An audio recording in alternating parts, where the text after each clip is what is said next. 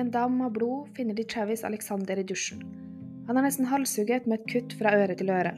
29 knivstikk på kroppen og et skuddsår over høyre øye. Kroppen har begynt å råtne. Han har ligget der alene i fem dager. Travis Alexander ble født i California i 1977. Han og hans sju søsken vokste opp med foreldrene som var sterkt rusavhengige. Barna måtte ofte klare seg selv. Foreldrene kunne forlate de flere dager uten mat, og i en periode bodde hele familien i telt. Travis ble grovt mishandlet, spesielt av moren sin. Når Travis var ti år, døde faren hans. Besteforeldrene tok da over omsorgen for Travis og senere søsknene hans. Besteforeldrene var dypt troende mormonere. De overførte troen til Travis, og han fant en mening med troen og dro på en to år lang mosjonstur til Denver. Travis var utrolig godt likt blant venner og familie. Han ble beskrevet som morsom, veltalende og hadde mange venner. Han var et naturlig midtpunkt i sosiale sammenhenger. Travis flyttet etter hvert til Mesa, Arizona. Dette fordi her var mormonermiljøet ganske stort. Han jobbet som selger og en populær foredragsholder i Prepaid Legal Service, og han gjorde det riktig godt i jobben sin. I september 2006 skulle Travis på en jobbkonferanse i Vegas for å holde foredrag. Hit skulle også Jodi Arias. Jodi Rias ble født 9.07.1980 i Salinas, California. Hun vokste opp sammen med tre søsken og foreldrene. Foreldrene var kristne, men de praktiserte ikke. Jodi leste mye og var flink på skolen. Men i tenårene sklir det ut. En gang blir hun tatt av foreldrene i å dyrke marihuana på taket deres, og de ringer politiet på henne. Dette gjør de mest for å skremme henne til å slutte med slikt. De blir etter dette strengere i oppdragelsen av henne. Hun får innetider og må passe søsknene sine mye. Jodi dropper etter hvert ut av skolen. En tidligere barnevakt av Jodi sier at hun ofte var voldelig mot lillebroren sin. Hun mente Jodi fikk glede av å være slem, og uten ikke øyde empati. Jodi har i ettertid anklaget foreldrene for mishandling. Hun sier at faren brukte å skubbe henne inn i møbler, og moren alltid gikk med en treskje i vesken for å slå henne om hun ikke oppførte seg. Dette nekter foreldrene for. Jodi var godt likt blant guttene, og hun hadde alltid en kjæreste. Den ene overlappet som regel den andre. Jodie var også veldig pen, hun hadde langt, blondt hår og en slank kropp og fine trekk. Jodie interesserte seg tidlig for fotografi. Hun hadde som regel kameraet sitt med seg overalt. Hun skaffet seg noen strøjobber som fotograf, men hun jobbet også servitør flere steder for å få endene til å møtes. I 2001 begynner hun å jobbe som servitør på en restaurant i California, og i 2003 begynner hun å date den daglige lederen her, Daryl Brewer. Kort tid etter kjøper de hus sammen i Pollen Desert. I 2006 bor de fortsatt sammen, men nå har de store problemer. De kranglet en del og hadde økonomiske problemer. Jodi tok seg derfor en ekstrajobb i Prepaid Legal Service som selger. I denne jobben treffer Jodi flere venner, og flere er blant mormonermiljøet. I september 2006 reiser hun på jobbtur til Vegas. Vel fremme i Vegas blir Travis introdusert for Jodi via en fellesvenn. De fant tonen fra første stund. Den første kvelden og natten brukte de på å prate og bli kjent. For Travis var dette mer en fysisk tiltrekning, men for Jodi så mye, mye mer. Siden Travis bodde i Arizona og Jodi i California, som utgjorde en kjøretur på over fem timer, brukte de mye tid på å bli kjent gjennom telefonsamtaler og mailer. De sendte over 82 000 mailer til hverandre på noen måneder. Jodi forlot sin samboer Daryl bare noen dager etter hennes første møte med Travis. Helgen etter Vegas-turen møtes Jodi og Travis hjemme til et vennepar i California, og her begynner deres seksuelle forhold. Jodi forklarer at den første kvelden sier Travis at han kommer inn på rommet hennes når venneparet de bor hos, har sovnet. Jodi trodde de skulle bruke natten på å snakke, men det begynner å kysse intenst og lidenskapelig når Travis kommer inn. Dette er starten på noe som skal bli et veldig turbulent forhold. Siden Travis var opptatt av å være et prakteksemplar i religionen sin, ber han Jodi lese Mormons bok. Hun konverterer til hans religion to måneder etter deres første møte, og Travis er den som døper henne i denne seremonien. I denne religionen er det flere regler. Man skal f.eks. avstå fra kaffe og te, man skal ikke ta Paracet om man har vondt, og man skal avstå helt fra sex før ekteskap. Det siste klarte ikke Travis, den seksuelle tiltrekningen mellom han og Jodi var så altfor sterk. Jodie tok mye bilder av seg selv og Travis og delte på sosiale medier. Hun var veldig stolt over å være kjæresten hans. Travis på sin side fortsatte å tekste andre jenter. Han lette etter en skikkelig jente han kunne gifte seg med. Han følte ikke Jodie var det. Dette gjorde Jodie veldig sjalu. Etter fem måneder slår hun opp med han. Som hun senere forklarer, er fordi at hun ikke kan stole på han. Venner mener hun gjorde det så Travis skulle se hva han hadde, og slutte å lete etter andre jenter. Men forholdet deres tar dessverre ikke slutt her. Etter bruddet velger Jodie å flytte til Mesa for å komme nærmere Travis. Men det går ikke helt som hun hadde sett for seg. Travis går på dater og får seg andre kjærester. Jodie begynner da å bryte seg inn i huset hans. Hun går gjennom garasjen, eller så krabber hun inn hundedøren. For så å legge seg naken i sengen hans og vente på at han kommer hjem. Eller for å gjennomgå alle tingene hans. Travis så på dette som om de var venner som hadde sex, mens de fortsatte å lete etter den rette. Jodie på sin side er fryktelig sjalu på jentene Travis tekster, og begynner å følge etter han. Jodie følger etter han om han er på date. Hun står i vinduet og ser på om han har andre jenter på besøk. Og en dag han besøker på dette tidspunktet sin nye kjæreste, skjærer hun opp dekkene på bilen hans. Hun går inn i huset hans når hun vet han er borte. Hun hacker mailen hans. Hun leser dagboken hans, og hun gikk inn på bankkontoen hans. Dette plaget Travis en del, og han fortalte til flere venner at de ikke skulle bli sjokkert om hun en dag drepte han. Vennene til Travis var skikkelig bekymret. De syntes Jodie var skummel. Da Travis gikk på dater med andre jenter, kontaktet Jodie jentene i ettertid og truet dem på meldinger. Men tross alt det syke Jodie gjorde, klarte ikke Travis å holde seg unna han. Han var så seksuelt tiltrukket av Jodie, og hun klarte alltid å lure han tilbake i sengen. De fortsatte å møtes med jevne mellomrom og reiste også på noen turer sammen. En dag Travis tar Jodie i å hacke seg inn på mail- og bankkontoen hans, sier han at nå er det nok. Han orker ikke mer. De skulle egentlig reise på tur den 10. juni 2008, men Travis sier at han ikke vil ha henne med. Han skal reise sammen med noen andre.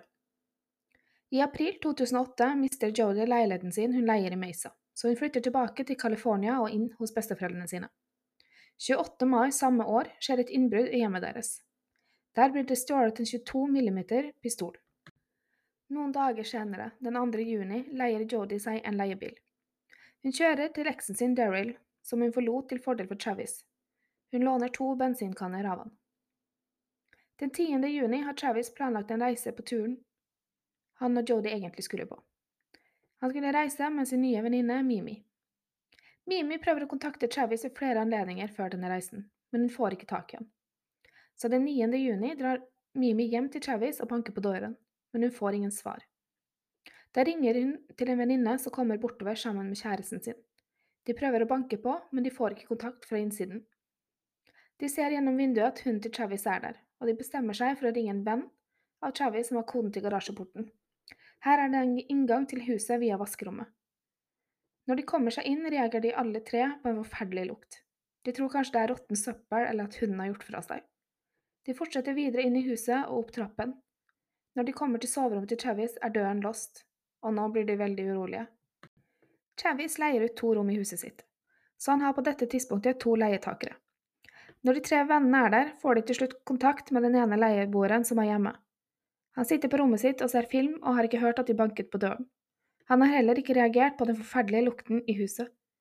Han ringer den andre leiertakeren til Travis, og de innser at ingen av de har snakket med Travis på nesten en uke. De leter i huset og finner en nøkkel til rommet hans. De låser opp døren og går inn. De går inn til et forferdelig åsted. De snur seg til høyre når de kommer inn rommet til Travis og ser flere damer av blod. Det er blod overalt. De går videre nedover gangen. Her er det også store mengder blod. Det samme er det på soverommet og videre på badet. Og i dusjen ligger Travis. De ringer 911. Kvinne. Oh my god. 911. 911 emergency. Kvinne. Ja. 911. Hva foregår? Hva skjer? Kvinne. En venn av oss er død. Han ligger på baderommet sitt. Vi har ikke hørt fra ham på en stund, vi tror han er død. Romkameraten hans var akkurat inne hos han og sier det er masse blod der. Jeg har ikke vært inne, men jeg kan gi telefonen til noen som gikk inn dit. 911. Ja, vær så snill, kan du? Mann, hallo? 911. Hei, så hva foregår? Mann. Han, han er død, han er på badet sitt. I dusjen. 911. Ok, hvordan skjedde dette, har du noen formening om det? Mann. Nei, vi vet ikke. Alle har lurt på hvor han har vært i noen dager nå. 911. Ok, vel. Hun sa det var blod. Kommer det fra hodet hans? Har han kuttet? Mann. Nei, det er blod overalt. 911. Er det noe våpen der? Mann. Jeg vet ikke, ikke som jeg så. 911. Hvor mange mennesker er det i huset? Vi er fem. 911. Ok, jeg trenger at dere alle går ut nå. Mann. Ok, ut. Ok, vi går ut. 911. Har han blitt truet av noen i det siste? Kvinne. Ja, ja, det har han. Han har en ekskjæreste som har plaget han, fulgt etter han, punktert dekkene og slike ting. 911. Og vet du hva ekskjæresten heter? Kvinne. Jodi. Jeg vet ikke etternavnet. 911. Vet noen etternavnet hennes? Kvinne. Vet noen Jodis etternavn? Taylor gjør nok det, bestevennen, men han er ikke her. Han er på vei hit. Så dukker politiet opp, og telefonsamtalen til alarmsentralen ender her. Chavis ligger i dusjen sin, dekket av blod. Han har fått 29 knivstikk, blitt skutt én gang over høyre øye og kuttet fra øre til øre, nesten som en halshugging. Etterforskerne begynner å samle bevis. De finner en kule av pistolen som blir brukt. Det viser seg å være den samme som ble stjålet av besteforeldrene til Jodi noen uker før, en 22 millimeter. De samler DNA og hårstrå. De legger også merke til at deler av åstedet er forsøkt rengjort. Sengetøyet er tatt av sengen, og dusjen hadde blitt brukt til å spyle kroppen til Travis som ligger i dusjen, etter hans død. De fant ingen tegn til innbrudd, så de var ganske sikre på at dette hadde blitt gjort av noen som kjente Travis godt. I vaskemaskinen finner de sengsettet. Der finner de også et kamera. Kameraet hadde blitt vasket, men minnekortet var fortsatt intakt, og fra dette minnekortet fikk de hentet bildene som hadde blitt tatt. Før politiet hadde prøvd å kontakte Jodi, kontakter hun politiet selv. Hun lurte på om det var noe hun kunne bidra med i etterforskningen. Hun forteller at hun og Travis var sammen i seks måneder men hadde gjort det slutt og var på dette tidspunktet gode venner. Hun forteller også at hun har vært på biltur i dette tidsrommet. Hun sier videre at hun har vært i kontakt med Travis før hun skulle på tur, og at han hadde blitt lei seg for at hun ikke kom innom han i Mesa.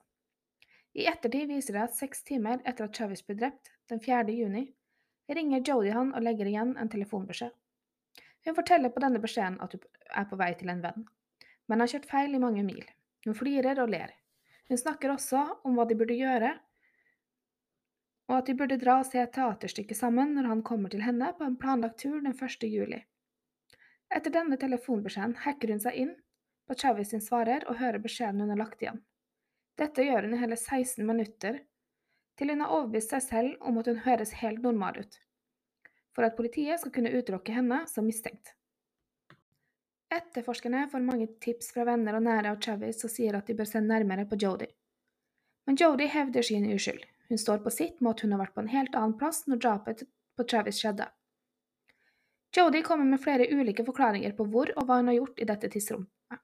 Det første hun sier, er at hun kjørte til Sør-California for å møte en venn, og at hun på veien videre kjørte feil i mange, mange mil.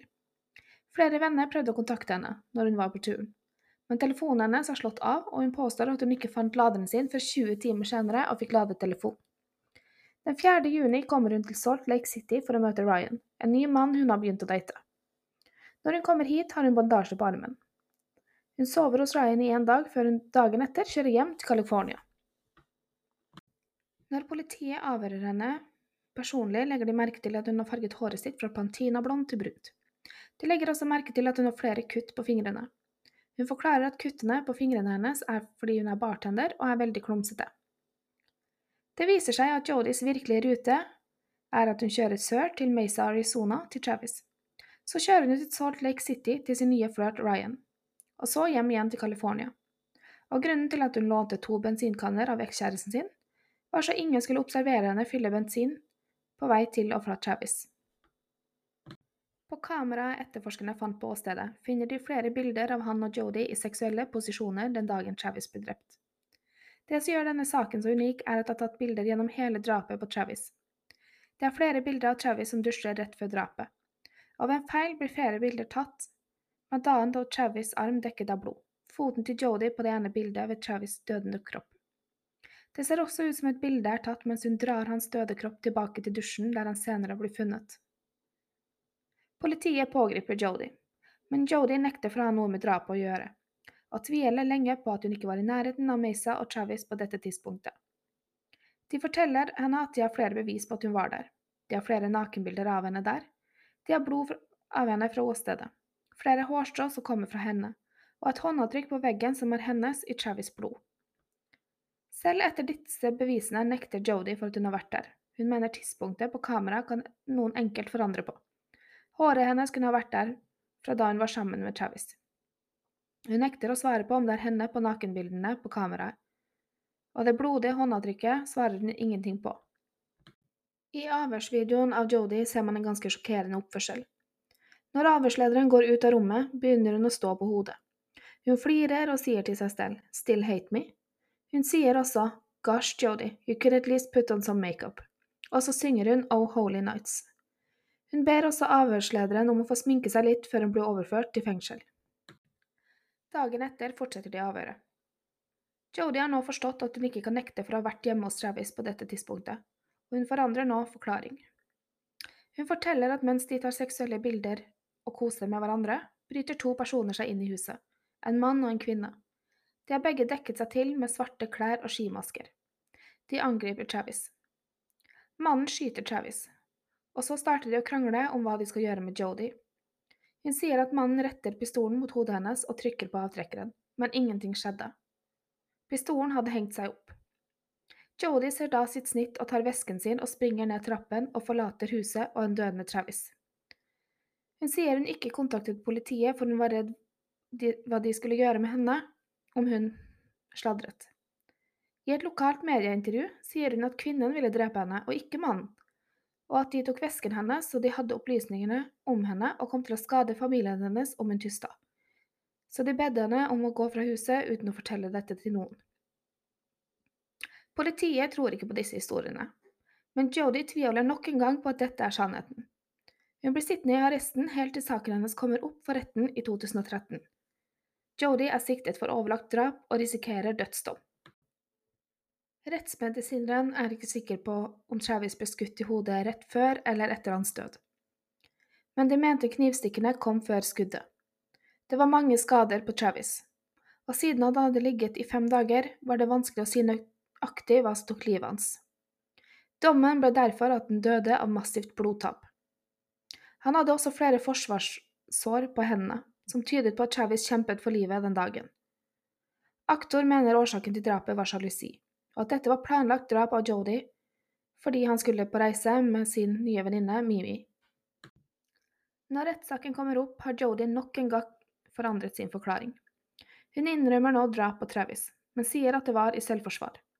Hun forteller om et forhold med mishandling, at Travis gjennom deres forhold hadde vært aggressiv og voldelig mot henne, og at på drapsdagen hadde hun mistet kameraet til Travis i gulvet, og dette hadde fått ut et enormt raseri hos Travis og Jodi måtte forsvare seg.